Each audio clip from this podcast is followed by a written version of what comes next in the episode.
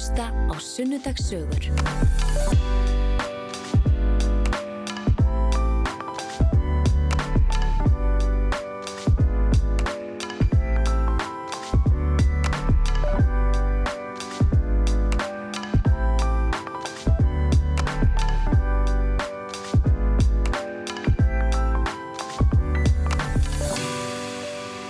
Góðan dag, góður hlustendur og velkomin í Sunnudagssögur. Ég heiti Steini Skúladóttir og mun stýra þættunum í februar þar sem þemað verður rauðsokkur. Hópurinn sem kvatti konur til að mæta á rauðum sokkum í fyrsta mægunguna 1970. Þar vildu við ekki aðtegla á misetti kynjana og hristu heldur betur upp í landanum. Eitthvað sem við megum þakka, þakka þeim enn þann dag í dag. Næstu fjóra sunnundaga mun ég fá til mín rauðsokkur til að rifja upp þetta tímabil menn einni heyra um þeirra líf og störf. Og fyrsta rauðsokkan er búin að koma sér fyrir hjá mér í stúdíónu og það er engin önnur en Ingi Björg Solrún Gísladóttir. Vertu hjartanlega velkomin. Takk fyrir það, takk fyrir að bjóða mér. Uh, þú hefur farið í ótal viðtöl get ég ímynda mér í gegnum tíðina um, en mér er mjög gaman að þú sért komin líka sér til ég að koma í spjall til mín Takk fyrir það. uh, að því að þú ert búin að gera rosalega hluti sko, ég bara var að reyna að fara yfir fyrirskrunaðin og ég bara vá, ég get ekki munað þetta alltaf, þetta er svo ótrúlega mikið sko Þetta er orðið svolítið mikið, já. Og svolítið merkilt með finnstundum eins og ég hef lifað meir en eina æfi en já, ég bara, ég trúi því sko af einsum ástæðum. já, einmitt, það náttúrulega þú varst uh, fyrsti hvern borgarstjóri Íslands Mm. og eða Reykjavík borgar og svo varst að vinna eins og fyrir Jón Women, þú hefur verið á Alþingi, þú varst hluti af rauðsokkunum, kvennalistanum, uh, hvað öryggisráð Öryggis og saminstofn Európu, Já, var einmitt. að vinna þar. Já, er, Og uh, svo var ég hjá Vegun Saminuði þjóðan, já, einmitt, Írak. já, einmitt, þetta eru svona fjögur, fimm líf sem Mm. þú hefur lifað þarna. En uh, ef við byrjum bara á byrjuninni, um, hvar ertu, ertu fætt og uppalinn og hvað áttu mörg sískinni og, og Ég er, er fætt í, í hérna, reyndarinn á, á, hérna, Hofteig en, en flutti þegar ég var öðru árin í Ferjivók þegar vógarnir voru byggjast upp sem nýtt hverfi. Það var út hverfi Reykjavíkur á þeim tíma og þar í, í hverfinu inn, í- inn í vógum voru á, á daginn bara konur og börn. Allir kallar fóru á mótnana út úr hverfin að vinna eitthvað staðar því að þetta var út hverfi og svo komu þeir setni partin aftur inn í hverfið og, og þar, þetta var bara konur og börn sem að réðu hverfin allan daginn. Og þarna ólst ég upp við hún fimm sískinin ólst upp í sænsku timburhúsi og uh, átti bara mjög góða æsku og dásamlega í þessu frjálsa umhverfi sem þar var. einmitt, það sem að var bara allar, þetta er bara ólæstar Já, og já, já, já, maður gekk á milli húsa og ég, eh, það er merkilegt að ég fyrir yfir það núna, ég man mjög glögt eiginlega hver bjó í hverju einasta húsi þarna í, í kring og maður valsaði þarna á, á milli og uh, ég var yngst í mínu sískinahópi og það gerði nú það nú kannski að verkum að ég þurfti svolítið að berjast fyrir tilveru minni og, og kannski setti þetta ákveð mark á, ég hef alltaf verið svolítið í baráttu hug og, og það, ég held að fylgi því svolítið að vera, vera yngstur. einmitt já, ég, maður hefur heyrt það maður hefur líka náttúrulega heyrt það með yngsta að þau hérna fá, hafið alltaf gott Já, Að það fá- segja sískinni mín líka. já, Þau segja að vera fordegruð og, og hérna allt látið eftir mér. En þú vilt ekki kannast við það Nei, jú, ég get alveg kannast því að, að vissu leiti að pappi hafi verið daldið, eh, svona, ég verið daldið degurofa hjá honum. Hann held, hann var svona daldið mikið að, að íta við mér og sinna mér og, og held daldið mikið upp á mig.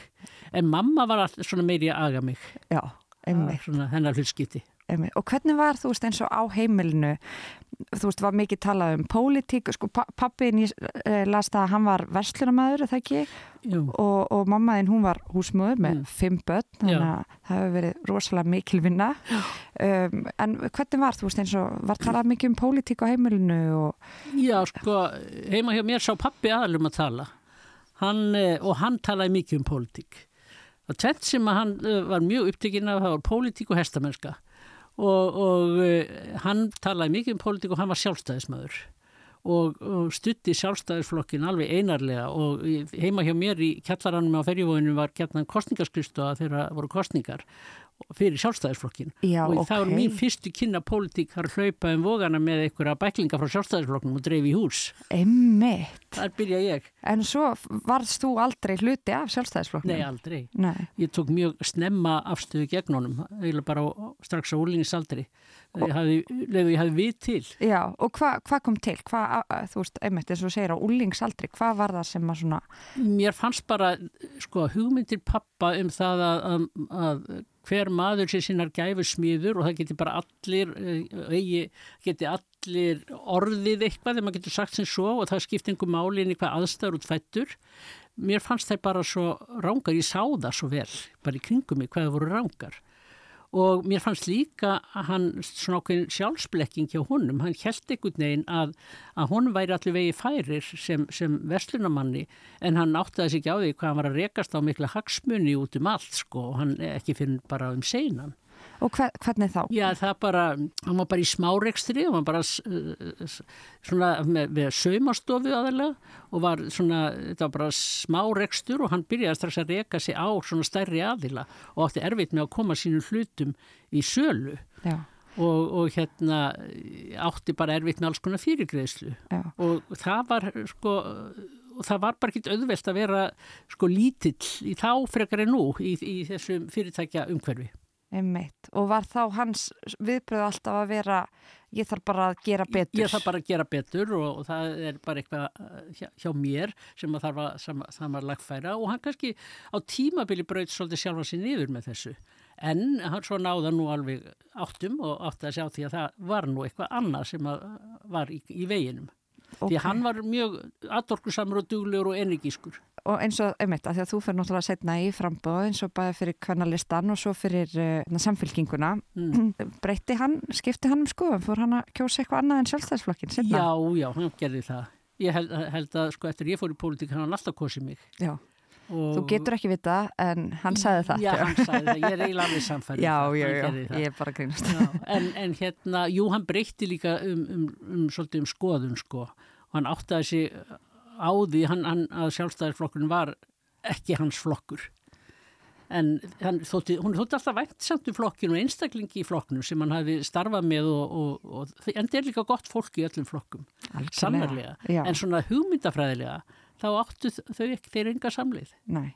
Þannig að það var einmitt, það var mikil pólitík á heimilinu þannig að þú færð snemma kannski þessa hugmynd um að það sé aðgengilegt fyrir þig að fara í pólitík. Já, ég, það er mikil pólitík og, og uh, það sem að kannski gerði svolítið mikið fyrir mig var að við deildum mjög mikið ég og pappi leið og ég hafði sko getu til þess þá, þá hérna þá var mikið, tókustu mikið á um pólitík og ég þjálfaðist mjög vel í því í svona rökræðu. Ég var auðvitað að standa fyrir máli mínu og ég var að rök, færa, færa rök fyrir því sem ég var að segja og þetta var sko mikil skóli sem ég fekk þarna í þessum endalusi rökræðum við hann og stundum sko kvein í og ég veit að mömmu þótti stundum alveg nóg um við mataborði þegar var verið að takast á um, um pólitík.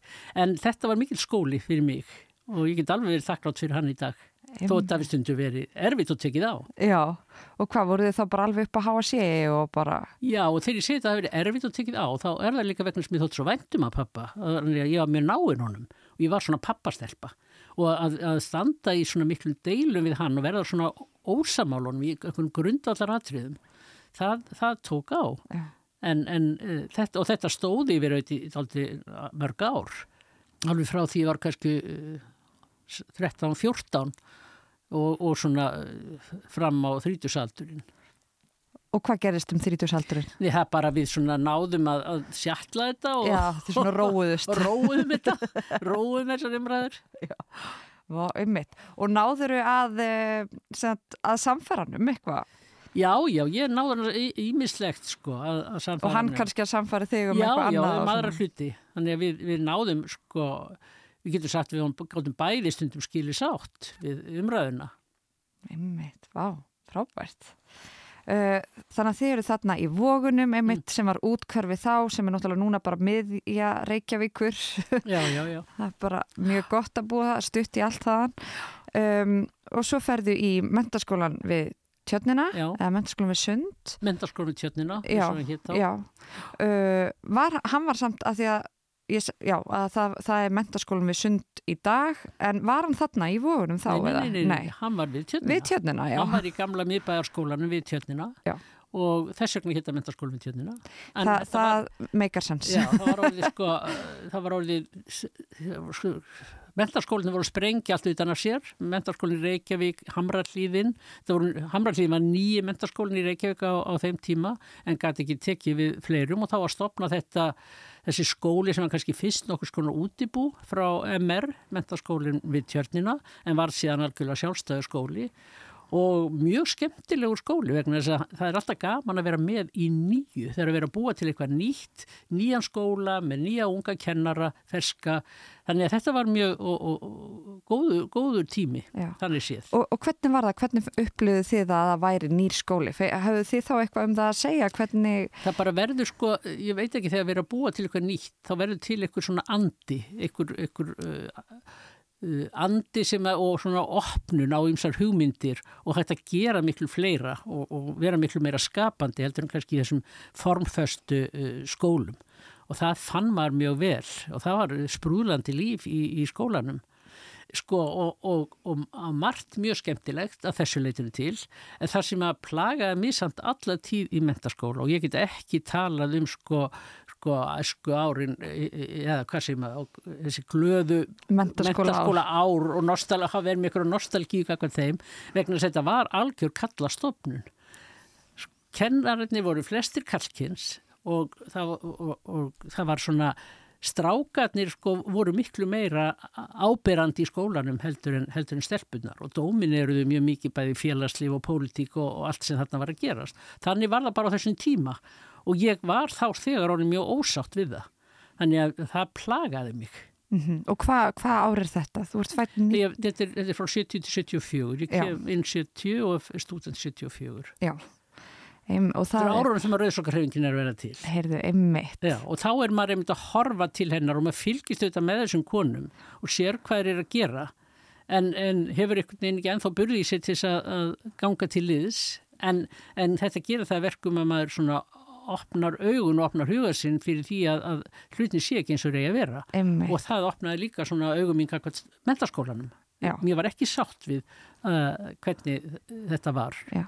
Og, og varstu þá, þú veist, lestu í þér heyra í mentaskólanum eða hvernig svona, Nei, hvernig ekkert svo- brástu við þessum aðstæðum? ég lit kannski ekkert svo mikið í mér heyra í mentarskólanum eða eitthvað á einhverjum fundum en það sem að, kannski við gerðum á mikið á þessum árum við svona beindum þess að okkur sjálfum er þess að einhvern veginn að reyna að beina þessu að umhverfinu og kerfinu þá beindum við þess að okkur sjálfum að við værum ekki að standa okkur nógu vel, við værum ekki nógu góðar, við yrðum að gera þetta og gera hitt við værum ekki nógu fullkomnar sem stelpur Já, einmitt. það var svona, það er fyrsta kannski svona skrefið í vakningunni, svo ferðu að hugsa býtu, þetta er, stendst nú ekki alveg sko. Já.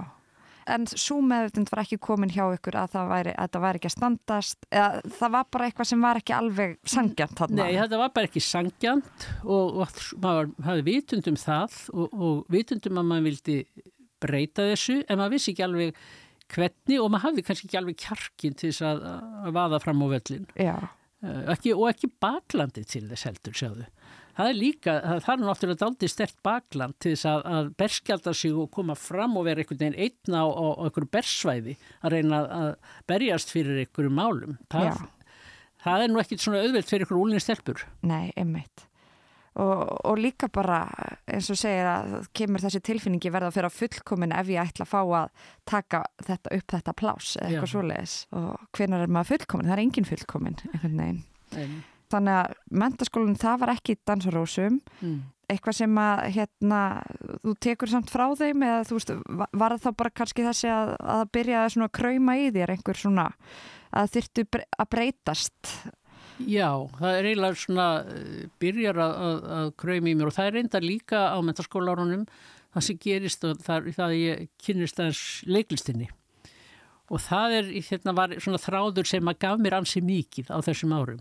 Ég eh, var í leikfélaginu í, í skólanum en ég gekk líka til þess við fór að vinna í hárinu. Þegar hári var sett á svið í Glömbæ var hérna sáum uh, leikmunna, propsið í, í hárinu. Kynntist þar fylgta fólki, áhuga fólki um, um, um leiklist og tók þar lendi þátt í því að stopna sál á sínum tíma, samtök áhuga fólksum um leiklistaskóla okay. og var í sálskólanum fyrsta árið, samhlýða mentaskólanum. Nú, ok, þannig að hefur fengið alltaf útrás kannski þar. Það fekk ég heilmikla útrás og það var hérna gríðarlega skemmtilegt en ég gæti ekki haldið áfram að vera með í sálskólanum og mentaskólanum vegna sálskólinn átti sína breytast í, í fullt nám, þetta var kvöldnám og svona helg, kvöld og helga til að byrja með og þá var ég að velja og ég valdi að klára mentaskólan Einmitt. Þannig að, að þar fór það, en Já. þetta gaf mér ansi mikið á meðan á því stóð. Já, og hefur eitthvað tíman hugsað, ég hefði átt að fara í leiklistina?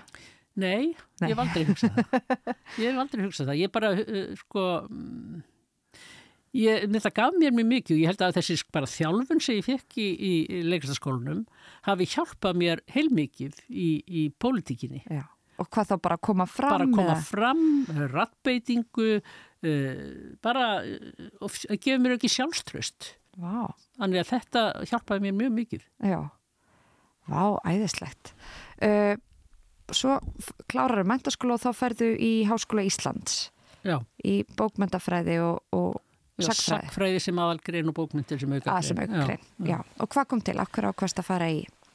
Í eh, sagfræði og, og bókmentafræði? Ég hafði alltaf átt áhuga á, á sögunni. Það var eiginlega mín uppáhalds námskrein í, í mentaskóla. Það var, það var saga. Og það er einhvern veginn líka bara þessi samfélagsáhugi sem kemur þar inn. Það er að segja, sko, ég hafði náttúrulega pólitískan áhuga, ég hafði áhuga á því sem var að gerast í samfélaginu og þar leðin það ég áhuga á því líka reyna áttum á því hvernig hlutinir hafði verið og hvernig eh, þróunin hafði verið. Já og, og, sögulegs maður náttúrulega skilur ekki samtíð sína. Þannig að, að ég eh, fór að velta mikið fyrir mér ymsum hlutum í, í fortíðinni og það leti mig bara inn í sakfræðina og bókmyndafræðina valdi bara að ég náttúrulega var alltaf lestrarhestur, las mikið og mér fannst það svona bara einhvern veginn þægilegt sam, eða með sögunni sko. Að ég svo kom í ljósi að engan áhuga bókmyndafræðinni sem slíkri, ég hef bara áhuga bókmyndunum. Já. og hvað er það þá við bókmyndafræðina? Er það að læra um Já, það er alls konar analýsur á, á, á bókum og, og, og læra um, já, já. hvernig bókmyndar hafa þróast og, og svo bara, ég vil bara lesa stefnur. ég vil já. bara lesa bækur Já, nákvæmlega Einmi, sko ég, mér erst magna að því að mér sagfræðina, ég bara mér erst svo mikið að læra sögu þar sem ég bara læra utan að einhver nöfn og einhver ártöl en uh, einhvern veginn, en um, einmitt þú segir bara að það náttúrulega hjálpar okkur mest eða þú veist að það hjálpar okkur svo mikið að vita hvaðan við erum komin að, ég, ég hef alltaf verið slæmi að muna nöfn og ártöl. Það, er, sko, það var mín akkilessar hæll þegar ég var í sakfræðin að reyna að muna þetta. En ég finnst að verið góð að, að skilja svona ströyma á stefnur og það er það sem ég áhuga á. Það er að skilja ströyma á stefnur hvað mótar fólk, hvað mótar samfélög? Já. ekki sko hver var hvar á hverjum tíma. Nei, emmitt einmitt. Mér finnst eins og sag, saga sé bara það bara að þú verður að muna var það 1871 eða 72 og var eitthvað ég veit það ekki ég...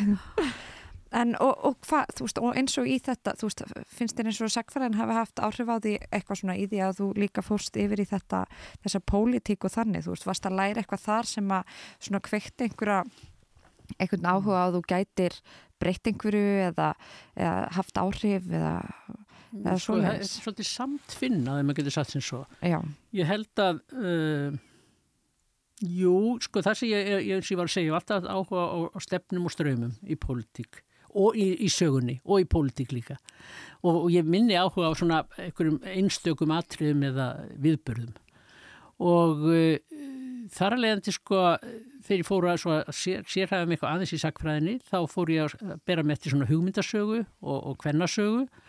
Uh, og það er sama og í pólitíkinu hefur það alltaf einhvern veginn verið líka þráðurinn í, í minni pólitík. Það eru sko, það eru hugmyndirnar og það er hvernapólitíkin þannig þetta er volið samtfinnað Einmitt. Uh, við erum búin að fara yfir barnæskuna, mentaskóla árin háskólagönguna en nú er komið að rauðsokku tímabilinu það var að byrja aðna í kringum 1970 En þú ert ekki með í byrjun, þá ertu bara í mentaskóla og, en þú væntalega tekur eftir þeim þegar þeir eru að byrja. Eftir þeim, sko þær byrja náttúrulega kringu 1970, Já, það er svona fyrsta, þegar gangan er á fyrsta mæ sko, og svo er verður hreyfingi til svona upp úr því. En ég byrja að fylgjast þetta með þeim svona í fjarska í, í mentaskóla og, og hafði auðvitað verulegan áhuga á því sem þær voru að gera og það sem vakti svo sérstaka aðtikli mína og var kannski svolítið umræðefni líka hjá okkur stelpunum, það var baróttan um uh, fóstureyðingar sem að var stóra baróttumálið þarna á, á þessum, þessum árum. Og uh, það var mjög gaman að fylgjast með þessum konum Vilborgu uh, Harðar, Vilborgu Dagbjarts uh, og takast á um, um, um þessi erfið, þetta var erfið umræða, þær vektu heilmikla aðtigli, mína og annara uh, en þegar ég var í, kom, svo var þeir komin upp í háskólan sem að ég eiginlega svona byrja fyrst að, að, að, að, svona fylgjast með þeim verulega. Já, og það gerist eiginlega náttúrulega 75 til hvernafrítaginn þá auðvitað, það, það var svona vakning fyrir mig eins og svo margar aðrar. En svo var hitt líka sem hafði mikil áhrif á mig að ég fór inn í stúdendaráð Háskóla Íslands, var þar uh, 76 til 78 og formaði stúdendaráðs 77 til 78 og þetta var rosalegt kalla víi og þetta var, sko, stúdendaráði var bara uppfyllt af strákum sem voru bara í skilmingum og voru lita á og æfingabúði fyrir stóru pólitíkina þetta núti, að komast inn í sko, flokkapólitíkina og, og þingið og ráðherrembættin og, og þetta var, mér fannst þetta alveg sko yfirþyrmandi og það gerði það verkum ég varði, ég hugsa bara ég deg hérna ef ég fer ekki eitthvað og fæ mér eitthvað staðar eitthvað næringu og eitthvað, eitthvað stuðning til þess að standa í þessu. og það er meðan þú ert uh, formaður stundaráts. Já, Já. og það, eða þegar ég er í stúndaráði. Já, í stundar, Já, já. þá, þá ákvað ég að ganga til vísu rauðsakarhefinguna og, og, og fá bara þann stuðning sem ég þarf Já. þar til þess að standa í þessu. Og það var alveg ó, óskaplega gott skref og gaf mér mikið og voru, voru skemmtilegt. Já, og líka allir er ekki hafa verið sömulegis ánæður að fá þig inn og þú veist til að hafa áhrif í eitthvað Eflaust líka sko bara að fá ungar konur til minna, það er alltaf, það er mjög mikilvægt að ungar konur gangi til þess við svona reyfingar og það var talsist að því á þessum tíma. Já. Þannig að það sem svona daldi brann á þér þá og ástæðan fyrir þú fórst inn það er bara aftur þú varst að standa í stappi við þessa þennan karla vekk einhvern veginn í Já, ég var bara að reyna hann á eigin skinni, ég var alltaf komin í eldlínuna og, og upplifði þetta alveg beint hvernig það var að vera uh, uh, kona í þessu uh, kalla kerfi öllu, kerfi sem var byggt upp á kallum fyrir kalla og reyna að fóta sér þar og reyna að hafa rödd og reyna að hafa vægi, það var ekkit uh, einfalt. Og, og uh, ég sá bara til þess að, að breyta þessu þá yrði það að gerast í gegnum samstilt átak hvenna og í gegnum hvenna reyfinguna. Þannig að, að ég þessna ekki ekki nú til þess. Já. Hérna, hvernig var þetta? Manstu eftir eitthvað svona eins og fyrsta fundinum sem þú fórst á hjá Rauðsókum með eitthvað svoleiðis? Nei, þetta gerist nú bara svona uh, hægt og bítandi sko. Ég fór bara venja, venja komur minnar upp í Sokkholti á skólaverustík þar sem þær voru með eh, aðsettur. Og- Sokkholt, þetta er svo gott nafn sko. sem var þá hvað í skipholti eða einholti? Nei, nei, nei, nei, það var í- á skólaverustíknum. Á skólaverustík en Já. kalla bara Sokkholt. Já, kalla Og Sokkholt. ég held að það hefði verið í Nei, nei, nei, holtinum. nei, þetta var bara að kalla Sokkholt hérna uh, húsnæðið þegar maður uh, rauðsakarhefingi var með á skólaverustík. Og þar var alltaf eitthvað um að vera sko og, og þetta var svona eins og félagsmiðstöð. Og alveg bara konur á öllum aldri og... Já, það var náttúrulega, það var aldrei mikið af ungum konum og svo, svo konum kannski á miðjumaldri. Það var auðvitað rosalega gaman að koma inn í, inn í þannig umhverju. Við gáttum gert fóða margt. Við skipulum einu sinni einn dag hátíð frá mótnum til kvöldsétun og var bara hvenna hátíð í, í, í hérna, tónabæ sem þá var og hétt og þar var einmitt, því hún var nú að deyja núna, blessi minningar nú Nauður Haralds þarna kemur hún fyrst eiginlega fram svo nofinberlega og les þannig að og, og, og þarna var auðvitað óskaplega margt að gerast mikið svona bókmentavingi, tónlist og baróta. Ibland. og Stella Haugs sem að var svona uh, úr verkalýsreifingunni svona trúbadur ofsalega svona robust flott kona þannig að það var, það var sko það var mikið kraftur Já, og hún að syngja þá sín lög og... Sín, já, já. Og þið voruð að skipleggja þetta bara og, og þannig að og, og hver- hverjar, hérna, hverjar voru með þér, þú veist, í, á þínum aldri og þú veist, með hverjum varst þú svona að, hverjar varstu mest að umgangast þarna í þessum hóp eða, Það, nú, ég fyrir nefnum upp, þá móka ykkur að því ég gleymi örglega ykkur um. engin að móðgast Nei, ég nefni náttúrulega fyrsta Guðrúnu Ögmundsdóttur. Því að þarna voru við orðnar alveg óaðskiljanlegar uh, og síðan sem held síðan alveg þar til að hún dó. Og uh, við áttum mjög mikið saman á, á, á þessum tíma. og það er að þið hafið svona bonda, þið hafið fundið Já. svona náða að finna kraft í hver annari og Já, svona stækka sko, hver þetta aðra var mjög merkilt þegar ég kynntist eh, Gunnu. Það var bara einhvern veginn sem small bara saman á einhverju augnablíki bara um leið og við hittust. Að það vorum bara týpurasálir. Og svo voru þarna Kristín Áskistóttir líka, sem er náttúrulega enn a- að, þannig að það, er júmsar sem að byrjuði þarna. Þarna var líka mm, Hildur Jónsdóttir, eh, Svafa, Svafa Guðmundsdóttir sem er nú dáin, eh, sýstir Más Guðmundssonar selabankastjóra eh, og hverju voru þarna fleiri, þarna var náttúrulega Dagný Kristjáns, bókmyndafræðingur, Silja Aðalstinsdóttir, bókmyndafræðingur, það voru ymsar Kristín Jónsdóttir, sak, sakfræðingur, eh, Þú veist alveg bara, "Ó, ég verða að muna allar. Já, það voru þarna eh, sko mjög margar flottar konur og, og miklar kempur. og allar, og, og að koma svona úr ólíkum hérna hvað segir maður, svona stöðum í samfélaginu og eitthvað neginn, Já, ólíkum áttum. já, En auðvitað voru, uh, var með samt sko, auðvitað var mikið af þessu há, konur í háskólanum. í háskólanum já, sem koma þaðan. já, Og svo í bland svona, uh, svona verkalýsetjur eins og Stella, já, Stella Haugs og, og, og fleiri slíkar. já og, og hvernig var, hvernig tók fólk þessu svona sem var ekki í rauðsokkurhefingunni, hvernig þurftur að, afsaka það að vera rauðsokka? Já, það var ekki auðvelt að vera rauðsokka. Það var sko, það var mjög svona, það var svolítið ógnandi. Og við heldum meðal hans út í á, reyndar eins, ég nefndi, glemt að glemt að Hjördís Hjartardóttir félagsráðgjafi, við nefnilega heldum út í síðu í þjóðviljanum sem að hétt, uh, hvað hétt nú síðan, það var rauðsokku síða, á, á, sem byrtist einu sinni í viku í þjóðviljanum á lögatöfum.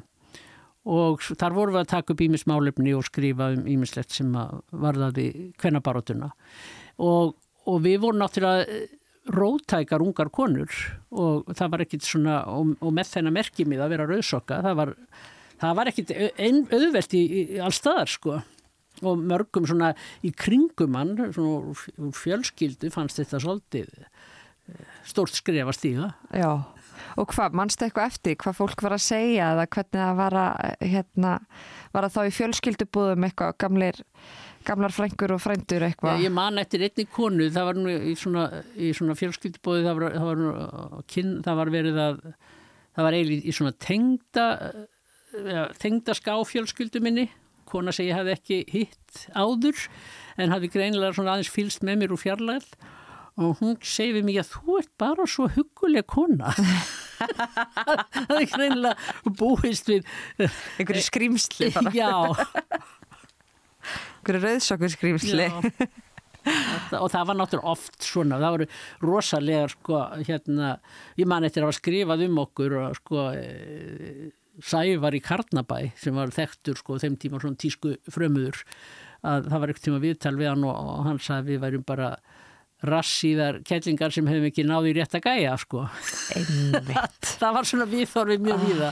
Og það er enn í dag oft það sem að maður heyrir að einhverjur kalla að segja, já, þar eru bara ekki búinur að fá yttar rétta mannin, einhvern veginn. Einmitt, og þi, þú ert þarna, þú ert líka rítstjóri veru, hérna, sem að verður málgagn rauðsokra. Nei, hvenna frambóð svo Hvenna frambás, Já. heyrðu, einmitt. Þetta eru, já, Sko, rauðsokkurnar. Já, rauðs, úr rauðsokkunum Já. þá fer ég yfir í kvennaframbóð, taka þátt í að stopna kvennaframbóði Einmitt. 1982 og þá svo kemur vera að byrja að koma út einmitt það ár Einmitt, einmitt. Hvernalistin svona árið 83. Þannig að þetta er svona, það er í framhald á rauðsökunum. Einmitt, að ná þessari tímalínu.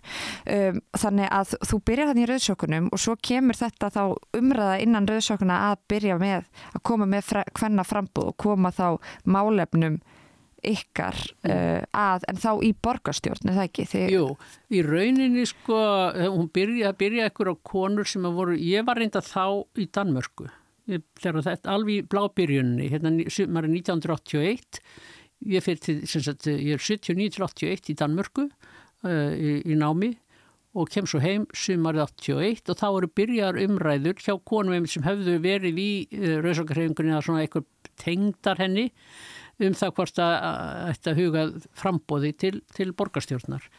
Og, það, og það, er, það er ekki innan rauðsökarhefingar, það er svona orðið til hlýðar við hana en konur sem hefur verið í rauðsökarhefingunni því að í rauninni er þetta þegar ákveðin er að bjóða fram til, til borgarstjórnar þá verður svona ákveð uppbrútt því að það er sko, það eru þetta mjög margar í rauðsökarhefingunum sem að vilja það alls ekki. Þannig að það verður ákveð uppgjur og, og, og það eru, við erum tólf á endanum sem ákveðum það höstið 81 nei, jú, hösti 81 að bóða til fundar á, á Hotel Borg og spyrja hvort að konur vilji hvenna frambóði borgarstjórn og við, við sem ekkert gáðum að fara úti, við erum bara tólf þarna sem vorum eftir í umræðinni sem vildum fara þessa leið. Og það fylgtist Hotel Borg og það var, það var svarið. Konur vildu þetta fara þessa leið. og einmitt að fá hvenna mál að þau fái hljómgrunn og, og bara fái umræðu inn í þá borgarstjórn þarna. Mm. Uh, Gáttu þið verið þú sammála um hvaða mál þetta væru sem að væru svona efst á baui hjá okkur og hvað svona... Já, það sem að varu þetta sko lang efst á baui voru leikskólamálinn. Þau voru í algjörum ólestri og eiginlega sko, þegar maður segi, segi ólestri, þá var það bara, þetta var auðvitað bara stefna það var bara stefna meiri hlutans að það ætti ekki að vera leikskóla plárs fyrir börn allan daginn nema forgámsópa. Það er að segja einstæða fóreldra og, og námsmenn. Það voru eins og gáttu fengið plárs allan daginn bara í skamman tíma samt. Ég vil fengu námsmenn kannski svolítið í tvö ár en börn ætti ekki, það verður ekki gott fyrir börn almennt að vera á leikskólum og alls ekki nema halvandaginn og mér finnst ég verið að heyra núna endur um að þessar umræðu aftur að koma upp. Þú veist sem ég held að væri búið að hveða, hveða nýður Við erum búin að tala um þetta. Við erum búin að tala um þetta, við erum búin að afgreða þetta en það er aldrei búið að afgreða hlutin eitt skipti fyrir öll. En þarna þurftum við semst í raun að taka bara þá umræðu að það yrði að bjóða upp á þjónustu fyrir börn sem væri eitthvað í samræmi við veruleika foreldrana. Það er ekki hægt að ákveða að eitthvað ákveðin þjónustar skulle vera við börnin og svo eru foreldrarnir í eitthvað allt öðru munstri. Og þannig var það hér í Reykjavík, bæði mæður og feður, unnu allan daginn og voru að reyna að finna eitthvað úrræði fyrir börnin sín að, að, yfir daginn. Og þetta komi auðvitað ekki sísnir á konunum í, í atvinni þáttöku þeirra og, og bara, hvað maður segir, lífsgæðum þeirra. Þannig að það var alveg klárt að þetta var svona stóra málið. Já. En var þá eitthvað svona verið að kalla eftir að konur myndi vinna minna eða eitthvað svoleiðis að það er ættu bara að vera heima með börnin? Mm. Eða var Nei, komin minna, svo breytinga bara konur eru komin inn á vinnumarkaðin? Það er bara komin svo breytinga eins og sást svo glögt í hvenna uh, verkvallinu eða fríinu 75 að, og það var auðvitað aðal eh, efnið þess uh, verkfall, það var að sína fram á að þetta samfélag get ekki funkerað án aðtunum þáttu hvenna. Það er væru bara, uh, sko, hjólinn get ekki snúist ef að konu væri ekki að taka þátt. Þannig að konu voru svo sannarlega komnar út á vinnumarkaðin í fulla vinnu, langt flestar sumar í, í hálri vinnu og þá með miklu minna atvinnuöryggi, með minni tekjur, minni lífeyrisrétt, minni eh, réttindi að, að öllu leiti og þetta var það sem við vildum breyta. Og, þetta var stóra málið þetta hérna 1982, það var að, að borgin er það bjóða uh, fjölskyldunum upp á þjónustu í samræðum við þann veruleika sem það lifið í og það var ekki þannig. Einmitt.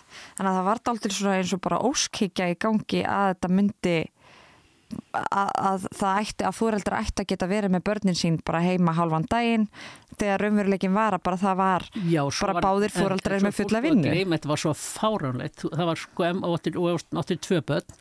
Þá var það kannski þannig að því að skólinn var skipulaðið þannig að sumi voru fyrirhátti í skóla, aðri voru eftirhátti í skóla. Og þú áttir kannski tvö börn. Annar barni var fyrirhátti í skóla hitt barni eftirhátti í skóla og svo komuðu bæði heim í háttegin og átti að fá mat. Hver átti að vera þarna til að gefa þeim að borða? Og hver átti að sjá þeim að, að fara með þau og sækja þau og, og á mismunandi tímum? Þetta var svo gali hvernig þetta var skipulagt og fólk er bara búið að gleyma því. Og þetta var eitt af því sem við vorum líka berjast fyrir. Það var að það væri einhver samfældu skóladagur og börn væri á sama tími í skóla eins og fóreldrar væri að vinna. Og það er svo ótrúlega að hugsa til þess núna bara af hverju þurfti af hverju þurfti að berjast eða að þetta er svo augljóst vandamál já, já. Nei, þetta var sko ekki augljóst á þeim tíma Nei.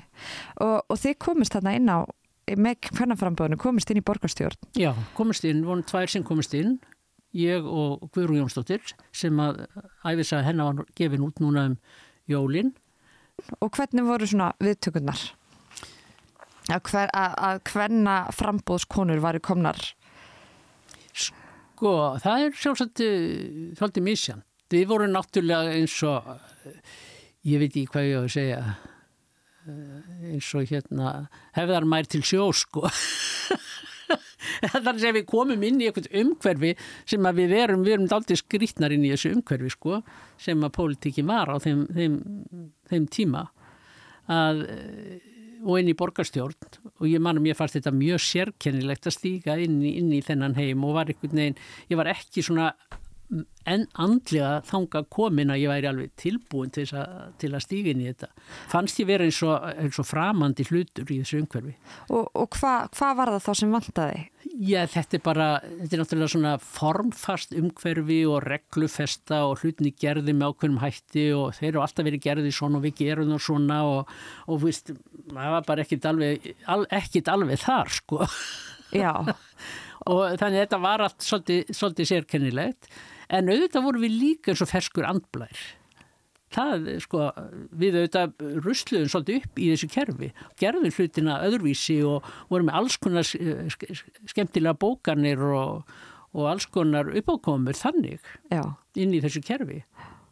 Vá.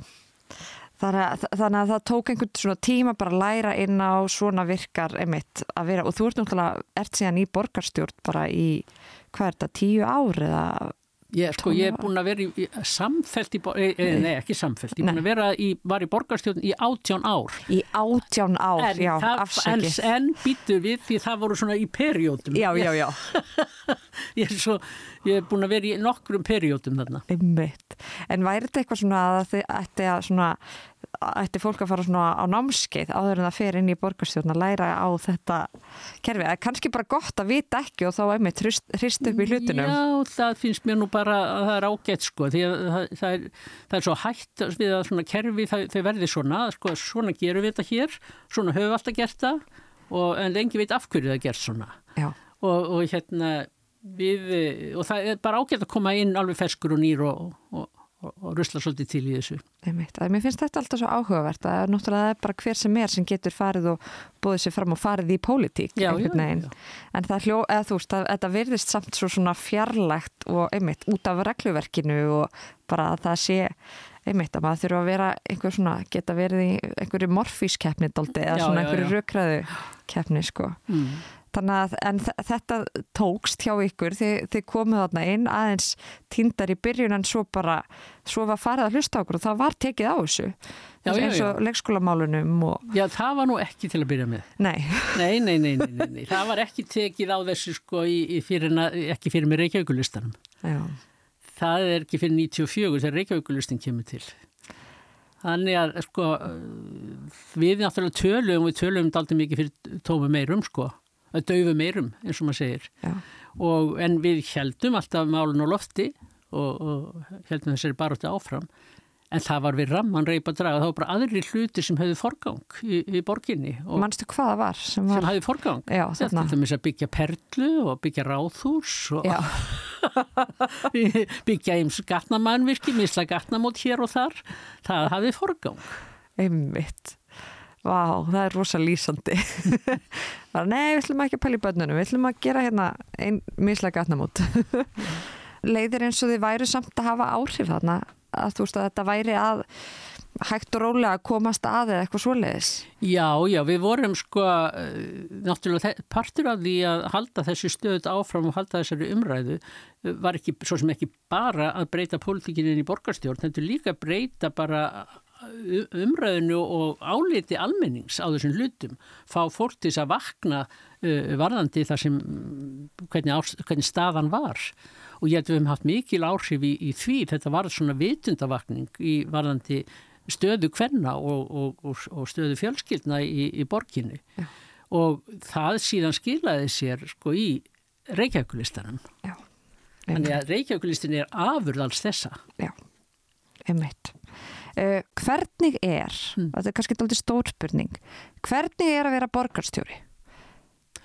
Sko, fyrst ætlum ég nú að segja það að, að því ég er nú að tala um svona frá hvenna pólitísku sjónuhóðni uh, að það að verða borgarstjóri Reykjavík og, og ganga inn í Ráðhús Reykjavíkur 1994 var ekki, var í rauninni svolítið surrealist vegna þess að, að ennbætsmannakerri Reykjavíkuborgar var næstu því allt kallar. Það voru sko, það voru tvær konur sem að voru í forsvari fyrir einhverjum stopnunum. Það var félagsmálastjóri og borgarbókavörður og annars voru þetta bara kallar sem að stjórnuðu eh, kerfinu og ráðhúsi var fullt af köllum og ég gekk inn í ráðhúsið einn með eina aðstórkonu með mér og þetta var sko ansi mikið kerfi að gangin í og ætla sér að fara að stýra þessu, þessu kerfi og stýra allum þessum, þessum köllum. Já Ég sé fyrir mig það bara að mæta bara einhverjur, kalla bara hvað ætlar þú að? Og, og það verður líka að segjast eins og er að stór hluti af þessum köllum voru sjálfstæðismenn. Eh, það var bara þannig sko. Og en það hafði þeir stjórnað þessar borg í 60 ár og, og raða þannig inn í kerfið og að, það var ekkit einfalt að takast á við þetta en samt sko verður það að segja þessum mönnum til hross sem að voru inn í kerfinu að þeir svona ákváðu flestir hverjir á tímanbúndi að fara með mér í þennan leðangur. Þeir bara við, sættu sér við það, ég var með líðræðislega uh, umboð til þess að frá borgarbúum og þeir ákváðu að, að, að fara vagnir með mér. Já. Og við erum þá að tala um starfsmennina sem eru ekki líðræðislega kostnir heldur sem bara já, vinna bara, fyrir já, borgina. Bara vinna í borgarkerfinu, hafi ráðnir inn í borgarkerfið. Já. Og það er náttúrulega aðalega að tala um það svo kvöldu embætismenn, þessi sem eru topparnir í kerfinu. Og, og þeir flesti hverjir, sem eins og ég segi, þeir ákvaðu bara að fara með mér í þennan leðangur. Og, og það gekk, mér gekk bara nokkuð vel að, að en að ná samstarfi. En auðvitað þurfti ég líka ráða nýtt fólk inn í kerfið. Og ég náttúrulega laði miklu áherslu á það að ráða konur inn í kerfið. Og setti strax á pólitík að það ætti að vera um helmingur ennbætismanna ætti að vera konur. Já. og það, það tókst í rauninni á meðan ég var þar, það gerði smátt og smátt. Og það var ekki vegna sem enn væru reknir það var bara þegar störf losnudu þá var ég var ráðið. Og ég segi að það var alltaf verið ráðið sá sem að var Eh, fremstur með aljafningja og það vildi bara svo til að það var kona. Af því að það sem gerðist þegar ég kem inn og kem með þessa pólitík inn í borgarkerfið að konur ákveða að sækjum það er ákveða að þær vilji vera með í þessu. Já, og sjá, já, ég á heima þarna. Já, og, og hérna svona hæfileikaríkar og öflugar konur það er komið með inn í þetta. Þannig þá er ég fullt af slíkum konum sem að suma hverju eru þarna ennþá eða farið í önnur störfi ríkiskerfinu aukstar en mjög kraftmiklar öflugar konur það er komið til leiks. Já, já, takk fyrir það. Þannig að en þetta, mér finnst þetta bara svo áhugavert þessar, þessar stjórnustöður einmitt, borgarstjóri Reykjavíkur, höfuborg Íslands, hversu mikil völd hefur borgarstjórin sem einstaklingur? Sko, ég lít svo á að svona störf, fórustu störf, hvort sem maður er ráð þeirra eða borgarstjóri og ekki síst borgarstjóri, það sé hópvinna. Það sé alltaf hópvinna og þú gerir ekkert ef þú ert ekki með góð, góðan hóp með þér öllu teimi og það er teimið sem að ræður úrslitum um að, að, að láta hlutinu gerast og það eru ákvarðanirna sem þetta teimið tekur sem að skipta öllu máli. Og ég segi alltaf sko borgarstjórun er hversin þannig er svona eins og jarðaberiðun og kökunni. Og, og það er mikilvægt að hafa það í huga að, að, að þá sem er í þessari stöðu hann er, hann er fremstur með aljafningja hann er ekki sá sem að ræður og stjórnar einn og sjálfur. Nei, ég bara hugsa einmitt eins og þegar það eru svona áköll til ráðamanna þá er náttúrulega einmitt en svo manneski að þá talaðum að þú veist, borgarstjórin þú veist, dagur eða þá einar núna bara, heyrðu þú þarfst að gera eitthvað í þessu en það er náttúrulega töluvert. Já, það þýðir það auðvitað að, að hann sem, sem sko hvað maður segja, fulltrúi uh, ákveðins hóps í borginni sem svona, þessi sem er fremstu meðal jafningja, hann verður að beita sér. Hann verður að taka, takast á við verkið og beita sér og láta reyna að sjá til þess að það gerist eitthvað inn í kerfinu. Það er auðvitað hlutverk hans. Já. Og þú veist, og einmitt þetta, að vera þarna í brunni, er þetta ekki líjandi að fá svona mikið af áreiti frá bara, þú veist, öllum borgarbúum, þannig sé að bara vera með það einhvern veginn á bakkinu? Jú, það er mjög líjandi. Sko, borgarstjórastarfið er óskaplega gefandi vegna þess að það er hægt að ná svo miklu fram, það er hægt að sjá svo mikla breytinga, það er hægt að beita sér og, og sjá breytinga gerast nokkur hratt ef að því er að skipta e, og, og, og það, er, það er þess vegna sko Já, það er það mjög gefandi og þú ert alltaf að þjónusta fólkið og það er það sem er líka svo skemmtilegt. Þú ert alltaf í stöðum tengslum við almenningi borginni og, og svona skinnjar svolítið hvernig landi liggur og hvaðan vindur blæs. E, hins vegar er það líka óskaplega líjandi vegna þess að það, þú ert alltaf á vaktinni. Þú veist, það, það, þú ert, þú ert ekkit sko, þetta er ekkit 9-5. Þú ert alltaf á vaktinni og, og það er heilmikið áreiti í þessu starfi og það er heilmikið svona þú ert alltaf, þú ert líka alltaf, þú fer út í búð og þú ferði í, skólan þessi bönnin eru og þú ert alltaf partur af, þú ert alltaf borgarstjórin já. sem getur kannski hægt að taka tali og, og ræða málinn við og svo framvegis. Hefur mig, þegar ég þarf aðeins hérna að tala við um það þarf að bæta hérna. Já, já. Það var ekki búið að tala um, um göttuna og, snjómáksturinn eða hvað það nú er. Að þannig að það, það er, er líjanda þessu leitinu til og, og ætti engin að vera á lengi í, í svo leistarfi og veist, það er bara, það, það gengur á fólk. Og þú líka verður þurrausinn skilur, það er spurning hvað lengi ertu sko, eh, hvað lengi að klára hugmyndabankaðinn Einmitt. Og þú ert í þessu starfi í átt ára, það ekki? Já, tæp nýjár Í nýjár, já Og, og ertu þá, þú veist, finnur þá fyrir því að þú sért búin en að því að svo ferðu á alþingi já, eftir það? Já, sko ég, þegar þessi nýja ári borgin þá var ég, ég hefði í rauninni svona þegar ég segi eftir áhyggja, þá hefði ég átt að hætta eftir 8 ára og ekki bjóða mig fram aftur 2002 og það var eiginlega það sem ég var með í huganum en það bara uh, gekk ekki upp svona pólitíst hvað var það Reykjavíkulistan á þeim tíma. Þannig að þess vegna uh, bauðinum fram einaferðina enn. En ég var í rauninni sko búið með innistæðunum mína. Og, og, hef, og þurfti að, að hlaða batterín og, og hugsa nýja hugsanir og reyna aðeins að, að gera eitthvað nýtt.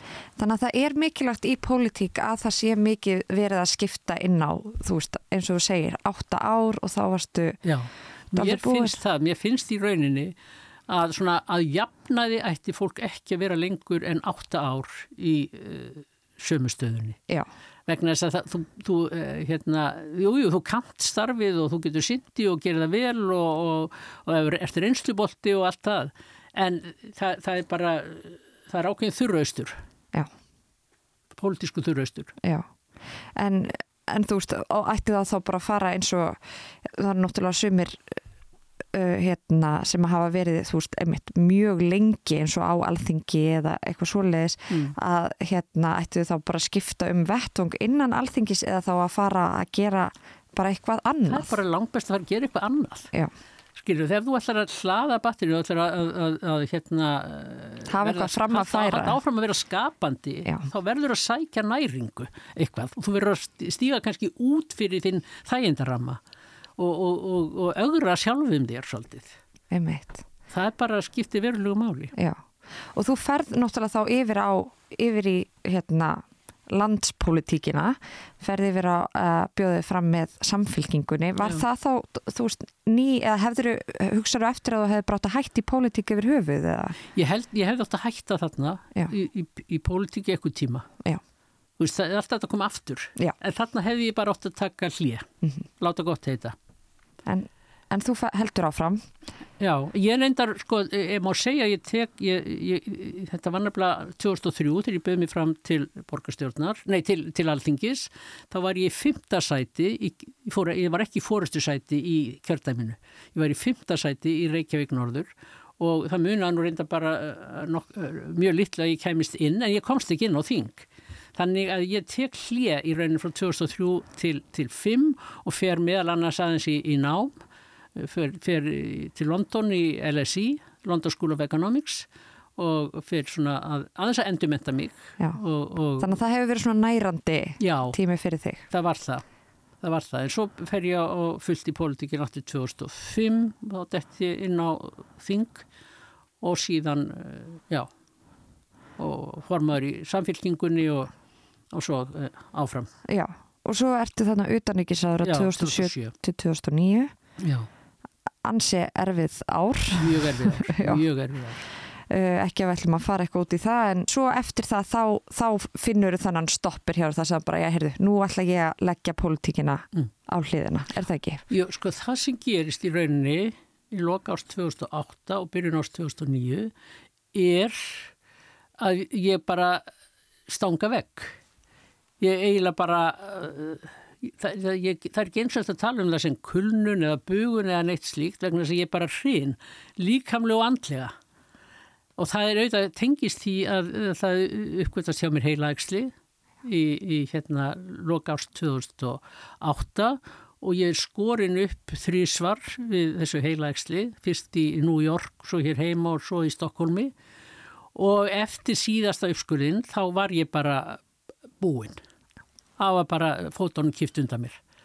Það var ekkit um hann að ræða en að, að taka sér bara saman í andlinn og reyna að ná andleir og líkamleiri heilsu aftur. Já, Því að það andlega var auðvitað mjög erfitt að gangi gegnum allt hrunið. Þannig að það sko, það var rosalega erfið andlega áreynsla og svo kemur heilaækslið ofan í það, Já. alveg á sama tíma. Nákvæmlega sama tíma. já, Þannig að uh, miðjan janúar var ég búinn á því, algjörlega. Og þá bara var ekkert um hann að ræða en að hætta í, í pólitík. já, Og, fara bara að reyna að hlúa sjálfur mér. já. Og hvað gerur, hvað gerur til þess að hlúa að þér? Það sem ég, ég gerði var náttúrulega það var aðalega bara að, að gera ekki neitt og nefn að fara í gönguferðir og, og síðan gerði ég það í tvígang þá fór ég til Indlands að, í svona e, hvað maður að segja bara í íhugun og til þess að hugleiða og læra hugleiðslu og, og, og já, og svona innri íhugun. Já, og er það eitthvað sem þú gerir enn, að huglega á þannig? Ég, ég geri það enn að vísu hef ég svona, það er svona allur gangur á því hversu aktíf ég er í því en þetta er nú ennþá eitthvað sem ég hérna býjað og, og gr- gríp alltaf til þegar að, að áreinir og þetta var, þetta var bara algjör lífsbjörg fyrir mig já, að fa fara í þetta. Og það er sko ég verið að segja það og fólk kannski átta sig ekki alveg á því en sko venjulega erum við í daglega lífinu þá höfum við ákveðin svona skjöld um okkur. Að því að við verðum að hafa eitthvað sem skýlir okkur fyrir alls konar áreiti og illum hugsunum og aggressjónum og hvað þetta nátt seitir. Og við erum alltaf að reyna að passa að þetta ná okkur ekki. Þess að setjum við um okkur svona ákveðin skjöld. Svo þegar við veikumst þá er eins og það komið rifur eða göt í skjöldin og uh, neikvæður hugsanir, aggressjónir, árásir, það ná allar í gegnum þessi gött og tilmanns. Þannig að þess er svo mikilvægt að fara út úr neikvæðu umhverfi. Vera ekki þar sem að mikið er neikvæðum hugsunum eða aggressjónum eða árásum. Því að maður nær aldrei bata já, við þær aðstæður. Og það var það sem ég gerði. Ég bara dróð mig algjörlega út og fer bara í að, að sinna sjálfri mér í gegnum eh, hugleðslu og, og svona í hugun. já. Vá. Og hugsaðu þá um þetta, því að þú fer til Indlands, Mm. er það að tala um að maður þurfa að fara alveg svo langt eða meinar þau bara að koma sér út úr aðstæðunum eins og í vinnunni? Nei, bara koma sér út úr aðstafan. Vera ekki, veist, þar sem er mikil neikvæðinni og, og svona, svona eitrað andrumsloft eins og er oft í pólitíkinni. Þannig að, að það er bara lífsnausilegt. Það var reyndist mér lífsnausilegt. Já. Og það gerði það verkum ég náði heilsu. Já. Það er í lægi með eins og með þetta heilaæksli, það hefur ekki komið aftur. Nei, það Nei. er bara, ég er alltaf fylgst með mér. Já. En ég er ennþá með, það var aldrei að taka það allt saman, en, en, það er bara ekki látið á sig kræla. Já. Og vonandi heldur það bara áfram að sofa þarna að verðt. Já, ummitt. og þú ert traust í dag. Já, já, ég er, ég er bara mjög hraust. Já, Og eiginlega miklu betur á mig komin að mörguleiti heldur en ég, ég var að ég hef, get, hef getað sint sjálfur mér miklu betur heldur en ég gerði. já. Ó, það er svo mikilvægt. Já. Maður er að muna það sko. Passa upp á þessa, þessa verksmiðu sem líka mann maður er. ekkert gagn, hvorki fyrir sjálfa sig eða aðra ef að maður er ekki í lægi, hausinn og skrokkurinn er ekki sæmilugu lægi. Nákvæmlega. Ok, en ef við höldum svo áfram, þú tekur smá pásu þarna eftir, uh, eftir uh, að þú hættir í hérna pólitík, en svo ferðu til að byrja að vinna í útlöndum, eins og þú ferð að vinna fyrir UN Women, Öryggis og hérna... Samvinnustofn Európu? Já, þetta er bara eitthvað sem ég mun aldrei ná að segja og saminuðu þjóðunar þú veist eins og bara þetta hvernig, þú veist hvernig kemur það um, hvað, sækjuru bara um vinnu eins og hjá UN Women Já, í rauninni já. Já, En það sem að gerist er kannski það að ég hafði verið uh, bæðið fyrir svona í lók tímabilsin sem, sem utarrikiðsá þeirra byrjaði reynda þá og svo eftir það þá var ég að starfa mikið með uh, nefnd sem að uh, var svona alþjóðleg kvennanemnd sem var að vinna að málefnum Palestínu og Ísraels. Það, í þeirri nefnd voru tíu konur frá Palestínu, tíu frá Ísrael og tíu úr alþjóðasamfélaginu sem voru reyna að, að, að leiða saman sagt, konur til, til, til, til að sátta í, í, í þess, þessari deil og þetta voru rosalega flottar og öfluga konur bæði Palestínu megin og, og Ísraels megin og þetta var ekki auðvilt fyrir þær að, að vinna svona saman og þversta og þessar átakalínur.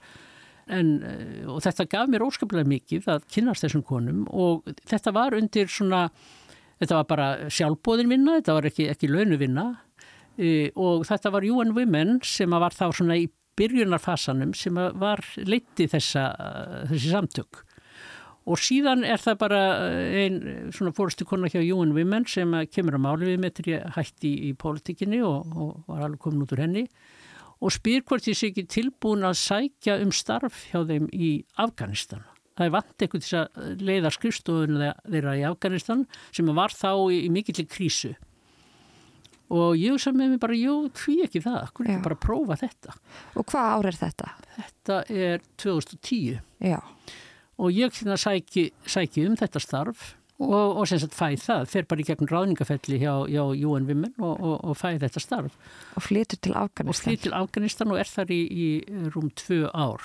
Og það var alveg óskaplega merkilegt og gefandi að vera þar. Og, og sýtur ennþá sko bara fast í hjarta mér. og hvað situr í þér? Hvað er svona Það er bara sko, þú veist að kynnast og það er eitthvað sem að sér bæði. Sáu náttúrulega í Palestínu þegar ég var að, var að vinna þar og svo aftur í, í Afganistan. Fólk sem að býr við svona erfið skilirði og, og, og erfið lífskjör og á svona og það sem er framtíðar sko myndin er svo óljós. Og en þetta er svo flott fólk og þetta á svo mikið betra skilið. Og það er veginn það sem að sest svo að í manni. Að hverju veröldinni er ekki að, að hérna, reyna að sjá til þess að þetta fólk eigi sér einhverja framtíð? Og, og, og, og, maður er eins og ég segi þetta er svo heilstætt og flott fólk og maður, maður dáir svo að því hvernig það tekst á við þessar ömurlegur aðstæður sem það býr við.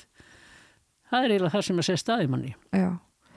Og þú veist, er eitthvað sem við getum gert meira eins já, og- já, já, já, við getum öll gert meira heldur en við gerum. En, en uh, það getur stundu verið erfitt að finna leiðina að því og hvað, þú veist, en að gera allavega að gera eitthvað, fólk verður að finna sér í að gera eitthvað til þess að reyna að leta lífið fyrir aðra, Já, það skiptir máli. Með okkar forréttindi hér í, á Íslandi.